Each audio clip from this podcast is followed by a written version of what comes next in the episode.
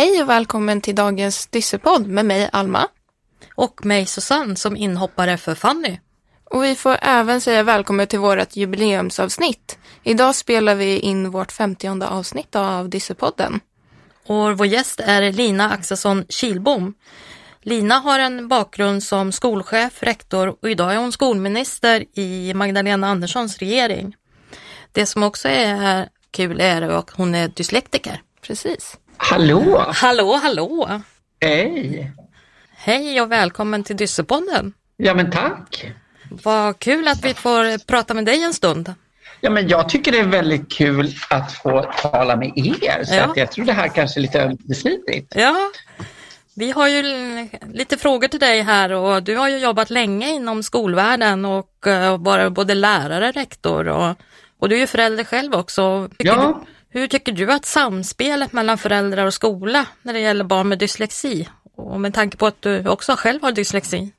Ja, det här är ju svårt att säga. Liksom. Jag tycker det, utvecklingen har gått framåt. Mm. Samtidigt som det kan vara problematiskt. Jag, ska jag vara riktigt ärlig så tycker jag skolan är väldigt svår idag. Mm. Jag skulle inte säga att den eh, alltid att ribban är hög men man underlättar inte för vissa elevgrupper. Nej. Så skulle jag väl säga.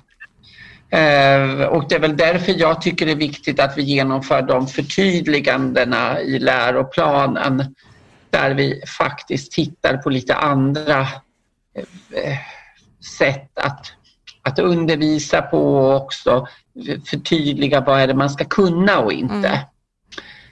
Eh, en, en läroplan som till och med vissa i professionen tycker är väldigt krånglig det kommer inte underlätta för elever med NPF eller dyslexi eller någon annan. Och de här, ni förstår de här värdeorden, liksom Ja. relativt väl eller väl och så vidare.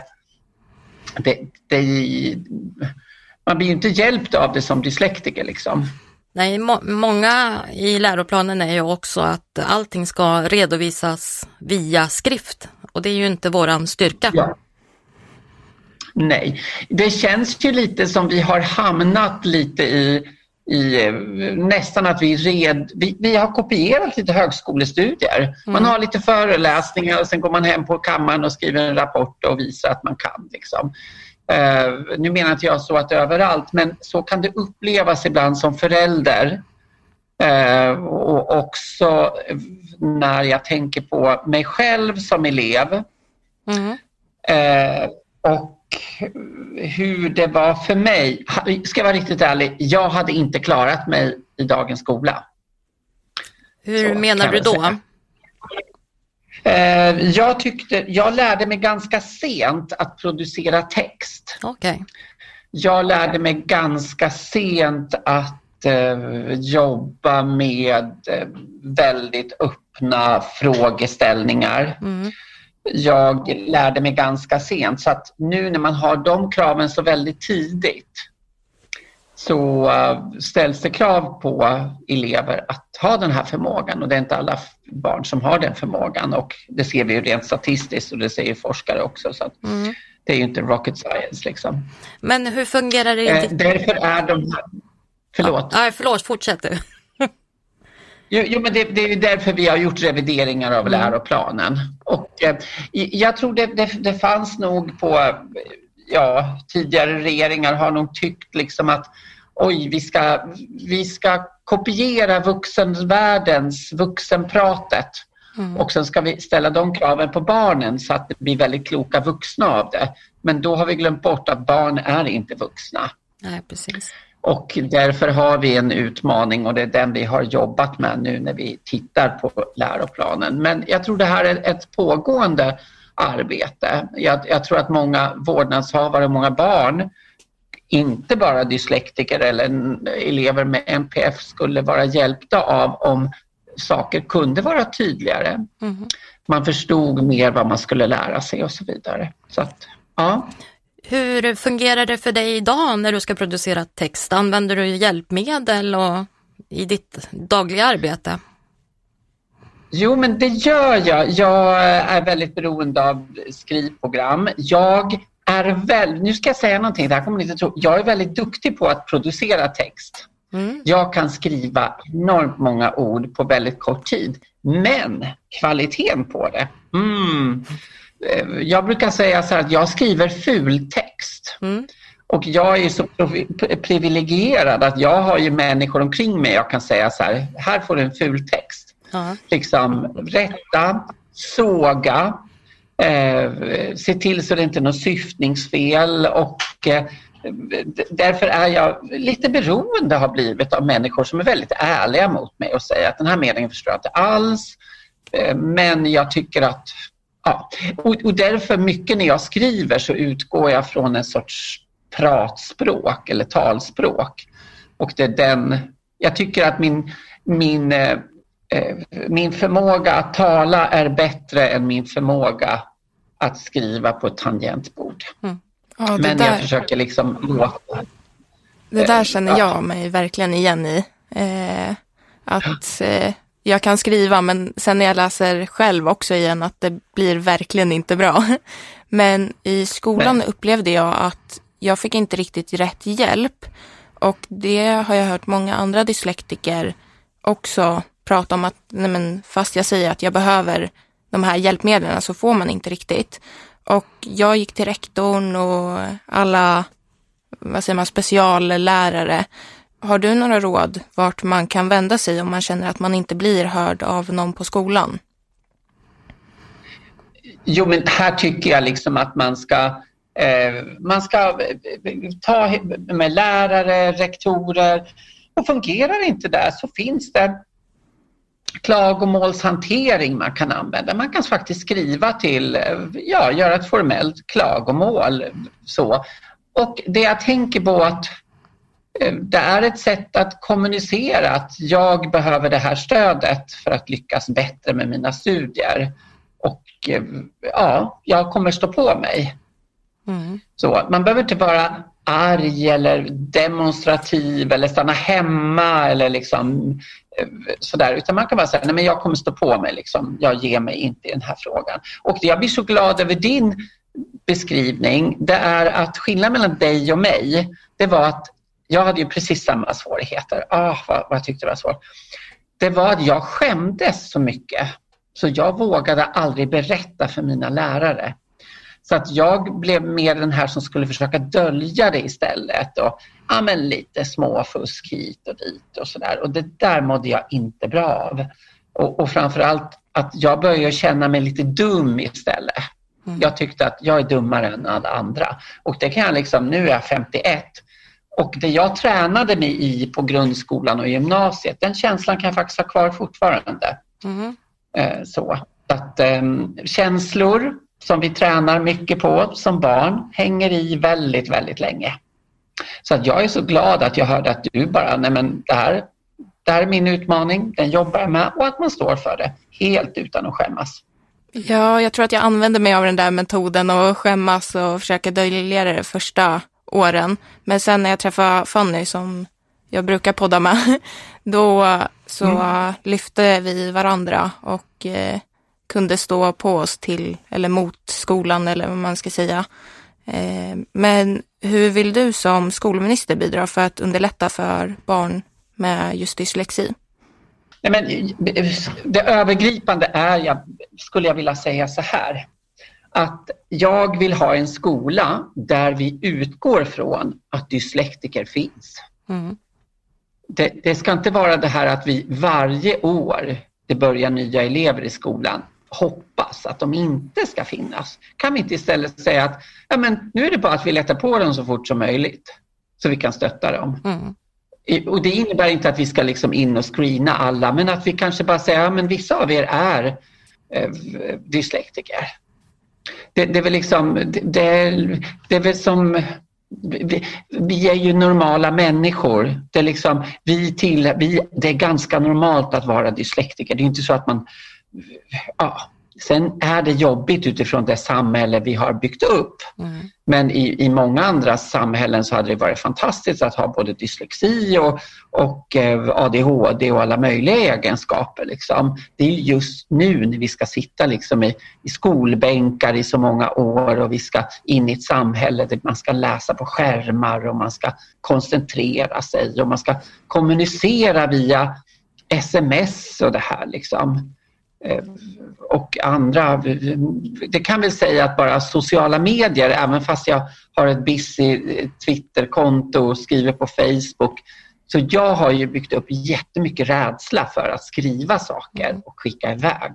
Förstår ni? Har man tusentals följare och, man har svårt med att stava, då får jag nästan en liten så panikattack varje gång jag ska trycka på sänd. Liksom. Så är det bara, kan du läsa det här? Vad, är det här? Var det här bra? Mm. Eh, så att eh, Ja, jag vet inte om det där var ett svar på er fråga, men jag tycker väl att vi ska utgå från det och att det ska vara världens naturligaste grej.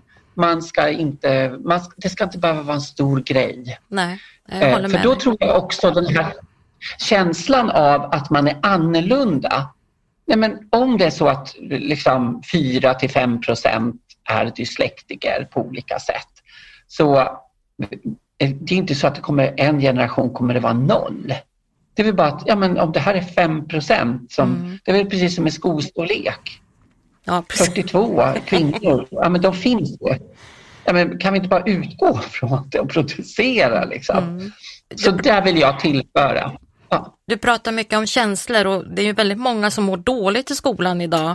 Hur tycker du att man ska få bort stigman kring diag diagnoser och hur kan vi stötta våra barn och även jag tror vi behöver stötta lärarna i det också. Har du några tankar om det? Absolut. Ja, men jag, jag tänker, och det är väl därför jag pratar om att vi, det finns en stress idag hos alla och en liten likriktning. Mm. Om vi har en skola som utgår från att eh, man ska inhämta kunskaper i text, att det ska produceras text, att det ska den som är språkligt duktig både i att läsa och skriva premieras, då kommer alla dyslektiker tycka att skolan är tråkig, lite för svår, eh, kommer känna sig nedtryckt och faktiskt väldigt dålig. Och det är väl därför vi måste titta på kunskaper överhuvudtaget. Liksom. Mm. Och även se på kunskaper över tid. Mm. Just nu är vi ju, lärare är väldigt stressade, det, inte bara för att det är jättemycket som ska in i varje ämne, liksom ämnesområden, utan att eleverna ska klara väldigt mycket. Mm. Och, eh, så det blir en stress åt alla håll. Jag brukar tänka så att eh, det fanns ju vissa saker som jag behövde eh, tills jag var 18, 19 innan jag riktigt förstod. Och, det, och därför hade jag, jag gick ju natur, liksom, jag skulle alltid göra det svåraste fast jag hade väldigt, liksom, det var jag. Men sen började jag undervisa direkt efter gymnasiet. Och då började jag undervisa kemi. Kemi hade jag alltid tyckt var jättekul. Liksom. Eh, för, för det var väldigt lite läsa men mm. däremot eh, liksom krumelurer och sådär. Och det kunde jag liksom försöka fnula ut hur det hängde ihop. Men det var när jag undervisade och förklarade för andra som bara mynten, det var som ett myntinkast, bara föll ner så här, jaha, det är så här det hänger ihop. Mm. Åh, nu måste ni lyssna på mig, det är så här det fungerar. Så att det tar tid, kunskap tar tid, förstå samband och så vidare. Så att eh, jag tror att vi behöver se på människor som ständigt liksom lärande över tid. Mm. Och där har vi utmaningar. Mm. Så. Men, men vi, vi, jag tycker vi går i den riktningen. Eh, för i mitt jobb nu så är vi ju väldigt liksom, konkreta. Vi gör insatser för fler speciallärare, fler specialpedagoger. Vi, vi gör kompetensförsörjningsinsatser för liksom, personal i skolan. Vi har lärarlyftet. Vi försöker få in det här så mycket som möjligt. Mm, och, och, det handlar ju om kunskap hos professionen och i bemötande och så vidare. Men jag tror på lång sikt måste vi nog titta på så att skolan får alla elever liksom att känna sig hemma och att det finns möjligheter för alla. Mm. Du har ju tillsammans med regeringen kommit med ett eh, förslag nu om eh, läxhjälp och eh, extra studietid. Hur kommer det fungera i praktiken? Mm. Jag vet ju Alma har ju pratat om att läxhjälp är bra att få, men man kanske inte orkar. Ja, det drar ju väldigt mycket energi bara av att plugga som vanligt, men sen sitta på sina lov också kan vara ansträngande. Så kan det vara. Eh, och, och den eh, förstår jag och, och därför tror jag att eh, de, de skolor som lyckas göra läxhjälpen eller lovskola eh, och den här extra studietiden på ett annat sätt tror jag är de som blir mest framgångsrika. Mm. För att har man svårt med till exempel matematiken eller att läsa, att då sitta ytterligare timmar att bara läsa, det kanske blir... Ja, jag vet inte om alltid det är det bästa. Nej. Däremot vet jag till exempel som dyslektiker att eh, på högstadiet, ni vet man får språkläxor mm. i engelska. Alltså, det är ungefär 25 ord i veckan man ska försöka lära sig. Och man ska lära sig hur de stavar. Och bara för mig att minnas vad orden betydde och sen lära sig stava dem. Alltså jag kunde hålla på i timmar. Att någon som förhörde mig, tragglade med mig, hjälpte mig med att förstå hur man kan bygga upp minnessystem. Jag började liksom komma på att jag kunde lära mig orden i vilken ordning de stod. Mm. Sen när jag kunde rabbla dem i ordningen, liksom, ord nummer 15 är det här. Då kunde jag börja säga att ja, men där, ord nummer 15 är det där och det betyder det där. Mm. Då kunde jag liksom se liksom allting framför mig men jag kunde inte minnas det. Okay. Eh, och, och där behövde man liksom lite hjälp med. Så att jag tror att den här lovskolan, lovskolan är ett perfekt sätt att liksom med en lärare kanske få möjlighet att i, i en mindre grupp säga att okej, okay, vad är det svåra med matte eller med svenska? Mm. Liksom? Nu jobbar vi med det och vi gör det på ett annat sätt. Liksom. Eh, så att ja, det var, jag tror det kommer fungera bra och jag tror att det här redan finns på vissa skolor. Mm. Men jag tror att det finns en känsla hos många elever att man eh, ja, men att det är svårt och, och, är det inte tvingande då blir det frivilligt och då är det bättre att gå hem och, och bara få liksom ja, så, så, det där är en avvägning. Mm. Eh, och det måste man komma ihåg också. När, eh, och det tänker jag mycket på mina barn, de har ju sina utmaningar och jag har mina. Att när man är tonåring så, och det, det är så lätt att skjuta upp saker. Och det är inte bara tonåringar, även vuxna. Jag har mina områden. Eh, där jag tänker att är man dyslektiker så blir skolan lite jobbigare, lite tyngre, lite svårare. Det ska man vara medveten om. Mm. Och har man då lätt att skjuta upp saker, det som är jobbigt och svårt, så, så kan den här skulden av saker man borde göra bli stor och man kan utöka liksom, ångest. Så ibland behöver man få hjälp med att Nej, men nu sätter vi oss ner och så sorterar vi upp lite. Mm. Eh, det kan vara en väldigt bra hjälp också och det tror jag många barn behöver hjälp med och framförallt de barnen som inte har det hemifrån. Jag håller med dig. Jag har söner som det var den stora hjälpen att få en hjälp med det exekutiva, att man fick fram när saker och ting skulle göras. En pizza kan man ju inte äta ja. en bit. Det är svårt. Nej. Och att det här att man får hjälpa, eh, liksom, få hjälp med att säga att det är inte dagen före du ska göra. Mm. Dagen före, då ska du bara repetera. Precis. Utan börja så tidigt som möjligt. Men jag vet, det är som städning hemma, plocka i ur diskmaskinen. Det är inte så att man, man är liksom bara, åh nu är tvättmaskinen fri, nu fyller vi den. Liksom. Mm. Bara, nej, man, man, man, får ju sålla där men, men det är de här värsta ångestskapande sakerna. Det är som att sprätta räkningar liksom. Gör det så fort de kommer. Men... Få ordning på det, få koll på läget. Till sist då, vad skulle du vilja säga till alla barn och föräldrar som kämpar med skolan varje dag? Uh, oj, den här uh, den är väldigt, väldigt svår uh, att ge något ord för att jag vet att det finns enormt många där ute som kämpar nog så enormt hårt. Mm. Eh, och jag kan ju själv känna den ibland, liksom, eh, nu blir jag nästan lite röd här, att som förälder kan man uppleva väldigt mycket rädsla. Mm. Jag kanske, liksom det här, shit, det här kommer inte gå. Det här går åt helvete. Liksom. Och då bär man med sig den stressen. Liksom. Ni vet, man kommer hem och, och det är bara stökigt, det är liksom mat på golvet och inga läxor är gjorda. Man tänker bara oh, ansvar, ansvar och sen blir man då upprörd och så ska man då sätta ner och göra läxan och det här. Och de tycker bara shit, du är hysterisk mamma. Liksom, oh. Och de tycker saker är svåra och de skjuter, alltså, så att jag tror att först och främst när det kommer till dyslexi så tror jag att det är bra att ha någon sorts grundkänsla i magen det ordnar sig till sist. Det är liksom nummer ett. Det, bara, det, det kommer bli okej okay till sist. Och jag brukar ibland säga till föräldrar som är väldigt oroliga, det blir bra människor av de allra, allra flesta. Och där det inte fungerar, det kan vi nästan inte förutse ibland. Ibland kan vi kanske gissa, men ibland inte. Eh, sen nummer två är väl att när vi har en svaghet så tror jag att vi ska sluta känna skuld och skam. Mm.